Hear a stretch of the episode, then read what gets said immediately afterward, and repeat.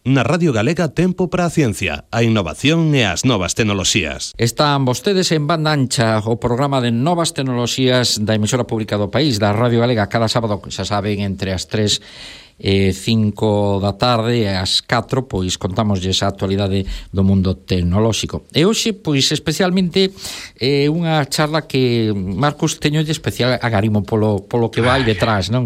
Xa sabes a miña pasión sí, polo sí, ZX sí. Spectrum, eh? Eh que o ordenador con el co ordenador con que comezamos todos nós aí sí, casi sí, na, no mundo sí, da. Ainda teño un, ainda teño un e, e funciona outro día dome por probalo, eh, carguei unha cinta e, e foi unha cousa moi simpática, non? Bueno, pois esta semana semana acudíamos a, a presentación dun libro que recolle a historia do ZX Spectrum, unha novedade Dolmen Editorial que destaca un libro colaborativo de 224 páxinas a todo cor e creo que Marcus xa o ten, verdad?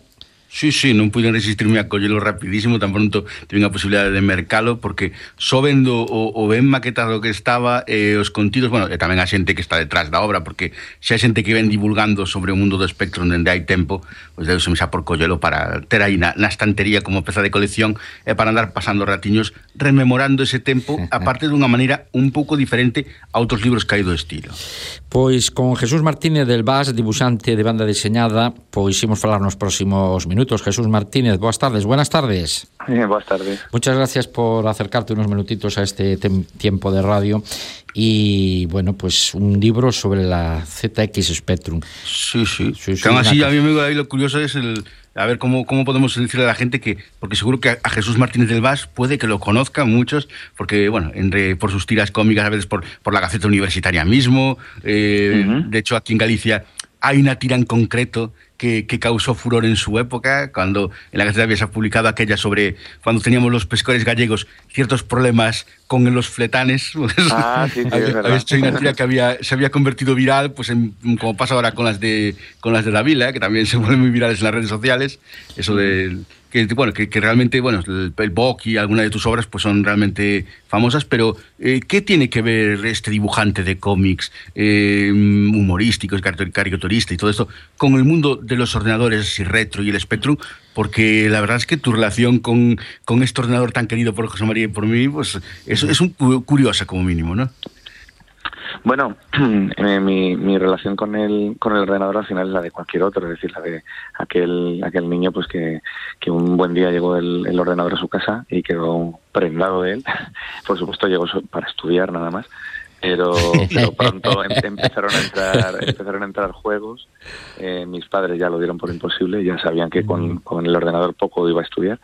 Y, y, y, esa es mi relación con él. O sea, quiero decir que son cosas o son vertientes mías que han discurrido eh, en paralelo pero siempre es un ordenador que me ha apasionado en, en los años 90 pues tuve un club de, eh, de, de, Spectrum que fundé con eh, pues escribiendo hobby consolas y recibiendo pues multitud de, de, de, peticiones, intercambiando cintas por correo, o sea que bueno, siempre ha estado de alguna manera presente en mi vida el ordenador.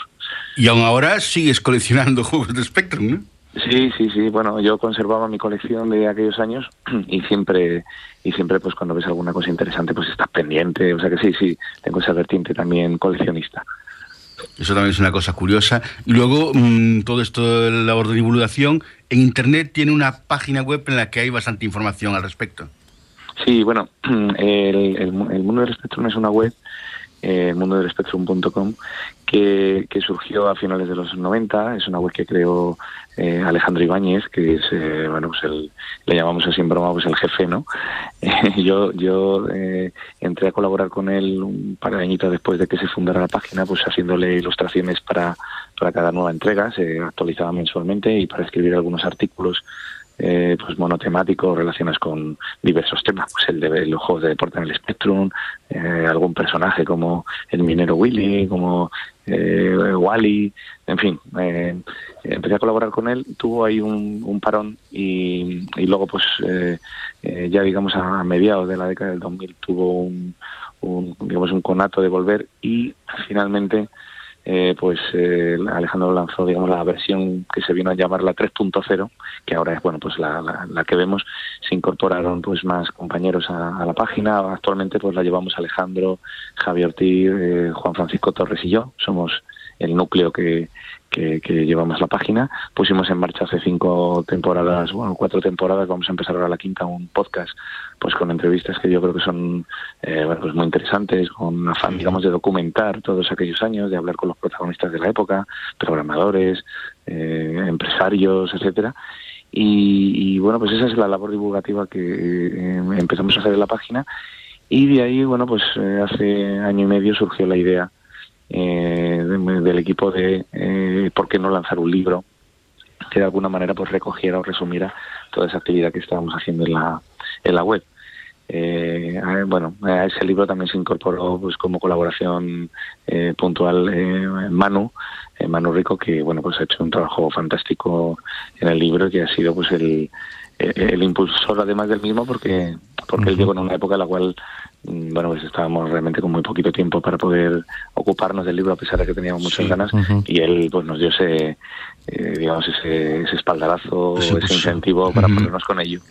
Y una cosa, yo decía que no era igual que otros libros que se publicaron hasta el momento, porque una tendencia que hay cuando hay libros de informática retro, que se centran un poquito en el mundo de los juegos y tal, es que mm. suelen limitarse a hacer fichas de juegos y hmm. explicar la historia de cada uno de los juegos. En cambio, vosotros optasteis más, más por un eh, abordamiento más amplio, más de, contar historias, ¿no? Sí, nosotros teníamos el reto de que el, libro hiciera honor a su nombre, no, no a nosotros, a la web, me refiero a su nombre, es decir, se llama El Mundo del Spectrum y tenía que, eh, que dar respuesta a eso precisamente, a ser capaz de coger y, y plasmar en sus 224 páginas eh, lo que es el mundo del espectro de verdad, es decir, su historia, eh, eh, bueno, pues cómo llegó a este país, eh, sus distribuidores, sus, bueno, sí, por supuesto, sus compañías principales de software, tanto aquí como, como, en, eh, como en el extranjero, porque, bueno, eh, es un libro español y, y, yo creo que es muy interesante para nosotros el, el poder reflejar lo que supuso aquí, pero no solo aquí, sino también en todo el mundo, es decir, en, Gran Bretaña, que fue, digamos, el núcleo, porque ahí, de ahí surgió el ordenador, pero también en otros países, por ejemplo, en Rusia, por ejemplo, en, en, en Portugal, en Brasil, o sea que hubo muchos países donde tuvo una implantación bastante importante, ¿no? Jesús, ¿cómo habéis estructurado el, libro exactamente? Tiene una parte de historia, eh, porque yo creo que es importante saber por qué el Spectrum es así, ¿no? Entonces, eh, eh, ¿Y por qué es así? repasar. queríamos repasar queríamos repasar la historia de Sir Cliff Sinclair no de su filosofía de, de, su personalidad y su filosofía de, de, hacer las cosas no de cómo él estaba muy interesado en la miniaturización y en y en la, en la economía no en, en, economizar costes él por ejemplo pues hacía cosas muy curiosas como por ejemplo eh, bueno sacar productos en kits que siempre abarataban más, y también sus componentes eran componentes que a lo mejor él compraba, que estaban rechazados por, por, por, por otras empresas por no cumplir unos, digamos, unos estándares de control de calidad, pero eso no quiere decir que estuvieran defectuosos eran componentes perfectamente válidos para otros usos, ¿no? Que a lo mejor no fueran tan exigentes, ¿no? Entonces lo que hacía era comprar componentes a muy bajo precio, los testeaba y si cumplían con sus estándares de calidad, pues los utilizaba para abaratar, ¿no? Entonces esa filosofía que aplicó en sus años de, digamos, de juventud y en sus primeras empresas, lo llevó luego después, es decir, él tenía un interés en, siempre tuvo la obsesión de las 100 libras, el sacar un producto, un ordenador, microordenador personal que tuviera un precio menor de esas de esas 100 libras, ¿no? Y, bueno, y lo consiguió pues con el con el ZX81, él, eh, luego eh, bueno, quiso evolucionar ese ordenador hasta llegar al ZX Spectrum, eh, el, tipo de teclado, por ejemplo, también obedecía criterios de, economía, ¿no? Es decir, que las primeras unidades, el ZX80 y el 81, el teclado casi casi era como una pegatina, ¿no? Si no tenía teclas con un mecanismo, ¿no? Y entonces eso hacía pues que fuera muy barato y, bueno, no le, le, ocasionó ciertos problemas también porque eh, cuando, por ejemplo, pues el gobierno británico quería implantar sus ordenadores en, en, en, escuelas con el, famoso concurso aquel de la BBC que, que ganó a Korn y le quitó el gran contrato, se lo quitó a Korn a, Sinclair. No quiere decir que Sinclair perdiera porque tuvo luego ocasiones de una implantación muy importante de sus productos en, en otros colegios, ¿no? Bueno, y en muchos otros sitios. Pero, por ejemplo, una de las cosas que le perjudicó fue esa, ¿no? Pues que la Korn, el BBC Micro tenía un teclado fantástico y, sin embargo, el, los productos de Sinclair pues tenían un teclado que era mucho más... No, era un ah. no, era un teclado profesional, ¿no? Ahí quizás lo curioso es que cuando, cuando realmente arrasó el Spectrum es cuando Sinclair ya no tenía control de la compañía.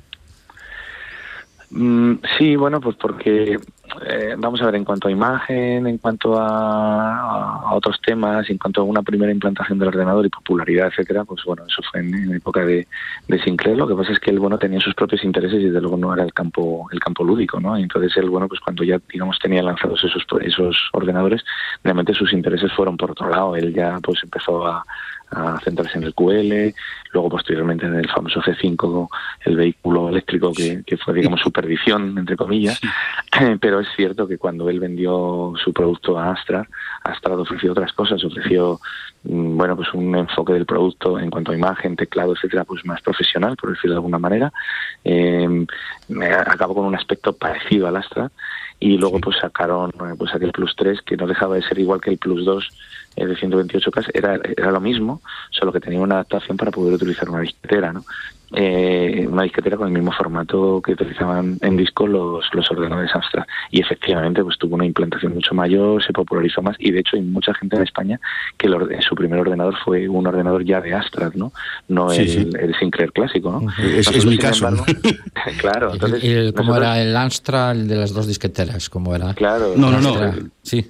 Una disquetera, una disquetera. Una disquetera, hasta 15, 12 o algo así, ¿no? sí. Luego ya dos disqueteras. Al cual tengo yo también guardado.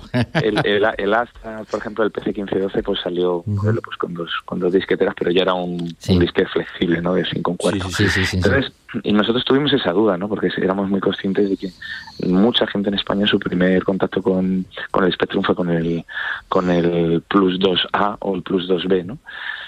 Y, y, y sin embargo, y sin embargo nos optamos por optamos porque la porque la portada del libro fuera su fuera el, el, el 48K de gomas, ¿no? Eh, eh, el 48K clásico porque nos parecía que es una imagen icónica que conoce mucho, eh, mucha gente y que y que además para nosotros tiene un diseño pues que, que es intemporal, o sea, es un ordenador que hoy día lo ves y podría ser un cacharrete eh, diseñado hoy día, ¿no? Nos parece un Y al agarrar el libro entre manos, parece que estamos aguantando el ordenador.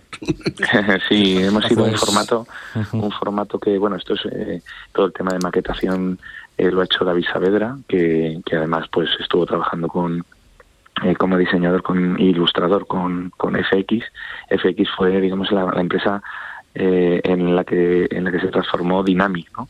Dynamic pasó a ser Dynamic Multimedia y luego fue mutando hasta FX con lo cual pues bueno él estuvo trabajando codo con codo con los hermanos Ruiz no y, y bueno pues él ha reconstruido el, el, el, el Spectrum, el diseño del Spectrum, en, eh, pues con un diseño nuevo para esa portada.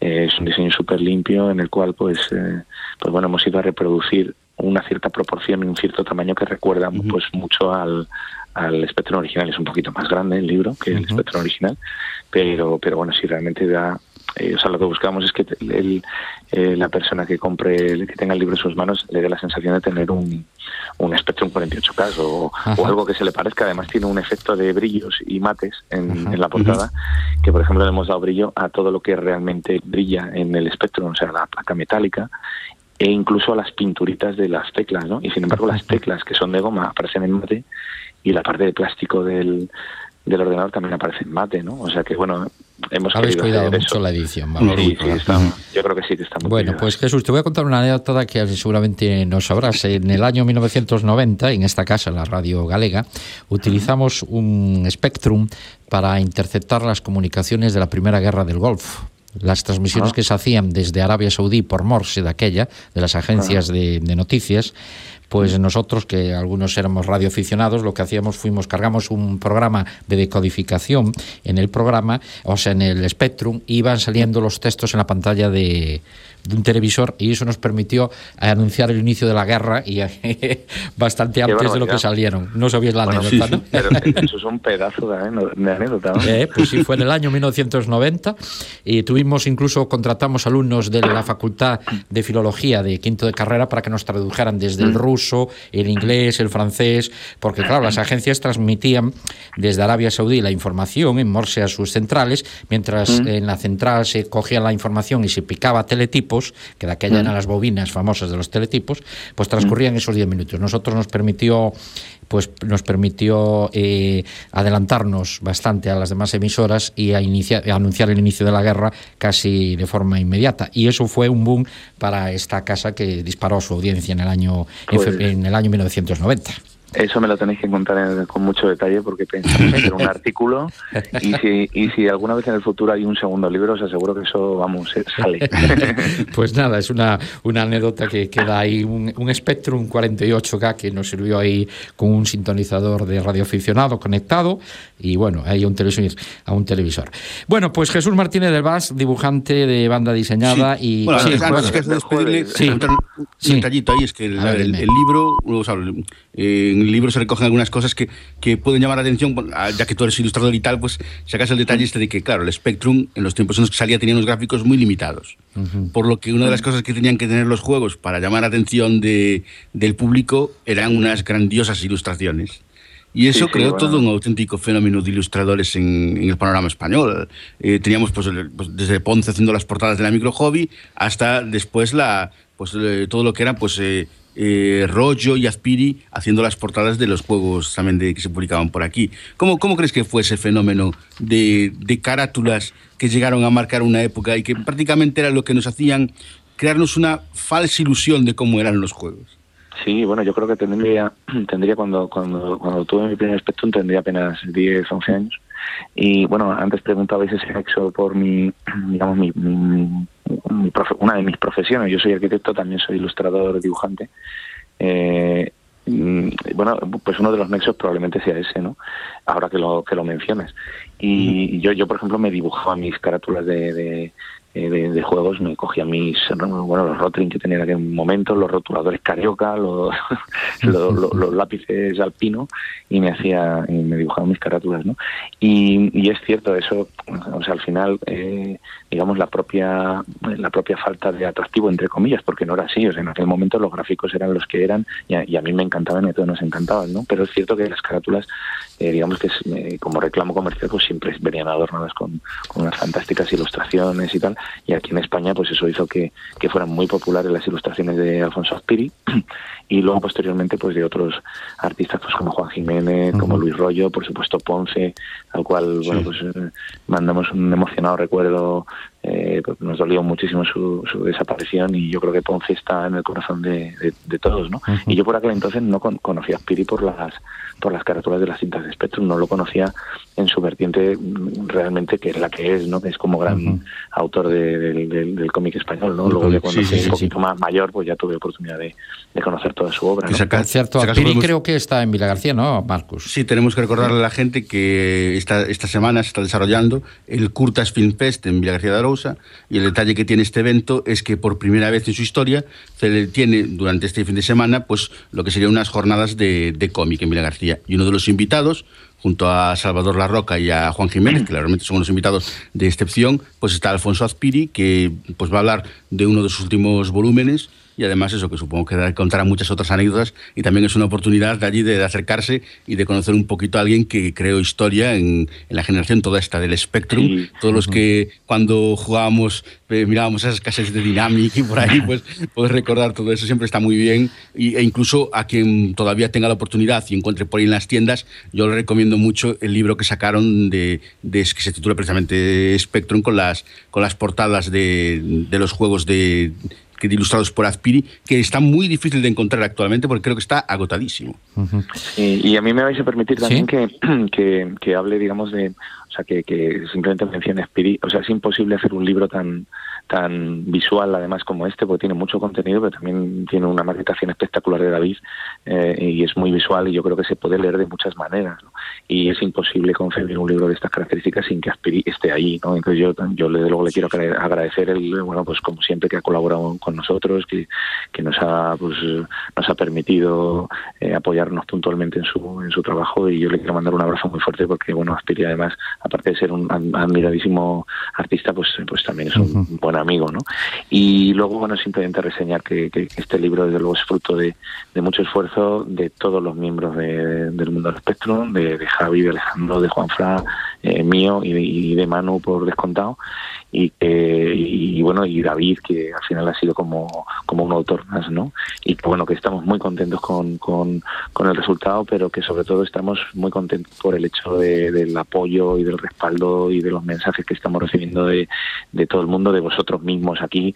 Eh, y, bueno yo os agradezco también muchísimo que, que os hayáis acordado de nosotros que nos hayáis llamado y, bueno, que para mí es, y para todo el equipo es un, es un placer el poder hablar con vosotros. Además, si parte de ello, además como parte tienes, eh, parte de la familia es gallega, pues entonces hay que apoyar a los gallegos. Creo que tu mujer es de Chantala, ¿no? sí, mi mujer, mi mujer es de Chantala y además yo estoy muy ligado a Galicia eh, voy todos los años y, bueno, es una tierra que me encanta y que se come fenomenal. Ah, eso sobre todo. bueno, pues ya saben, eh, el mundo del Spectrum lo tienen ustedes en librerías para los nostálgicos, 23.90 creo que anda el precio por ahí. Y aprovechen porque creo que quedan muy pocos ejemplares. a ver si hacemos ahí un pedido rápido. Vamos a sacar una segunda edición ya. Ah, o sea, eh, de hecho, de hecho, bueno, pues esta semana que ya ha finalizado, pues a eh, ya se ha lanzado. O sea que, está esa segunda edición en marcha porque bueno está eh, pues muy agotado en, ya en todos los puntos de venta y, nada bueno pues pues pues eh, se repondrá enseguida y, bueno que la gente pues que esté atenta porque porque volverá a salir en los sitios que esté agotado Jesús Martínez del Bad muchas gracias enhorabuena por la cosa y qué viejos somos eh Qué bueno, Marcus, qué viejos somos. Somos bien jóvenes. Jesús, un abrazo. Muchas gracias. Gracias a vosotros.